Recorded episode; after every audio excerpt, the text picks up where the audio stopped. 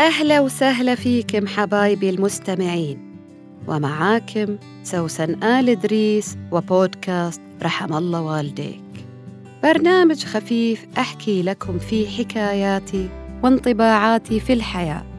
اللي أرجو إنها تعزف على وتر في وجدانك من زمان ما سمعته. أو كنت غافل عنه عشان بعد ما تسمعني تدعي لي وتقول رحم الله والديك.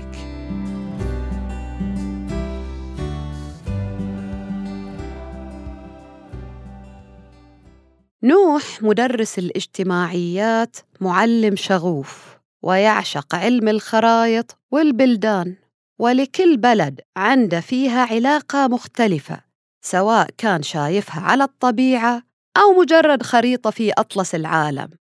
فلما تعين معلم في المرحلة المتوسطة في سنة الواق أيام ما كان في تعيين كان مقبل على شرح المادة بشغف وتبحر وحب.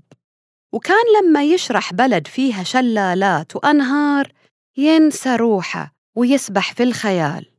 كان متوقع إنه الشغف اللي عنده راح ينتقل للديوك اللي كان يدرسهم اللي ما شغلتهم غير المناقر والتحدي مع بعض.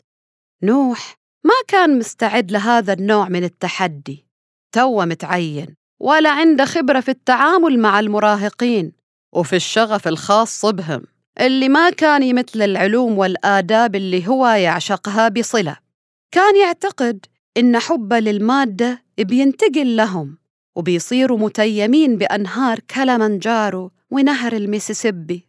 فابتدى يستوعب إن الموضوع ضبط وإصلاح. أكثر من إنه شرح مادة علمية. الأولاد محتاجين إنعاش قلبي رأوي عشان يتذكروا ليش هم جايين هالمكان. وكانت تمر على نوح أيام يكون فيها محبط جدا لدرجة إنه يكون خاطره يبكي من كثر ما يحس إن الوضع خارج عن السيطرة. وبدأ يلوم نفسه ليش أنا ضعيف؟ ما أنا قادر أحكي بشوية مراهقين؟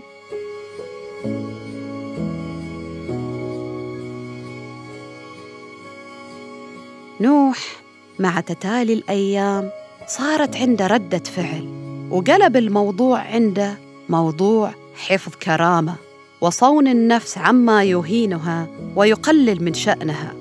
وصار يشوف إن الطلبة دولة أعداء إله لازم ينتصر عليهم. ولام الله من لامة تلعب في لعب لعد ما شاب راسه قبل أوانه. المهم إن نوح سنة عن سنة صار أصلب. وكل ما ليزود الاستراتيجيات اللي تخلي الطلاب يتنافضوا كل ما تجي حصته. صار الأستاذ نوح رمز الرعب. شخصيته صارت جدا قاسية لكن بالقانون ما حد يقدر يشتكي عليه. هو شديد بس ما يغلط. بس من كثر شدته صاروا الأولاد الطيبين يروحوا في الرجلين. ما هو ولاد الحرام؟ ما خلوش لولاد الحلال حاجة.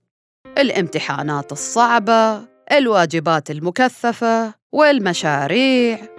إيه بعد عشر سنوات من التدريس نوح صنع لنفسه شخصية هو ما كان يتمناها وكأنه يقول جعلوني مجرما.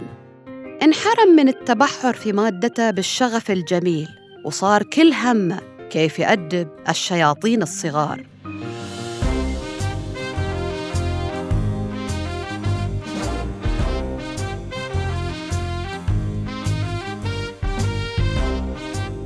في يوم من الأيام جاله طالب مسكين.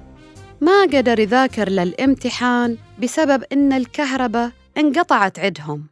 طبعا نوح بشخصيته الجديدة ما يعيد الامتحان إلا بعذر طبي حتى لو كان مصدق عذر الولد لأنه الهيبة تتطلب كده.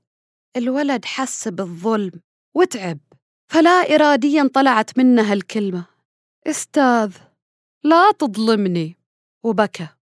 نوح سوى حالة مو حاس بدموعه ومشى عنه.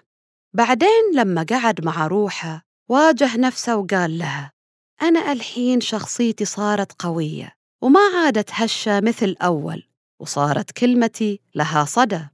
فليش أختار القسوة على الرحمة؟ ليش؟ عشان لا ياكلوني. الطيب ما يعيش ولا القاسي عايش. كلنا بنموت. لكن القاسي دابح عمره عشان نفسه والطيب نفسه تخدمه. وأنا أملك الاثنين القسوة والطيبة. فليش ما أختار الزين؟ الطيب اللي اختار إنه يكون طيب وهو قادر على القسوة لأنه مو ضعيف. هو أقوى من القاسي اللي يمارس قسوته. وهذا اللي دايما مفروض نسعى إليه إن نكون نملك الأدوات جميعها ونختار الطيب منها. نختار ولا نجبر على الاختيار. مو أختار إني ما أكون مسرف لأن راتبي قليل بل لأنه الإسراف صفة السفهاء. ولا أختار إني أكون متواضع لأني فقير بل لأن التواضع صفة العظماء والغرور مقبرة الروح. متواضع وأنا عندي المادة لين وأنا عندي القوة ورحيم وأنا قادر على الشدة. ونقول لكل من ما اغتر بجبروت وغرور الدنيا وتمسك بالأخلاق الحميدة لأنه هي الصفقة الرابحة. رحم الله والديك.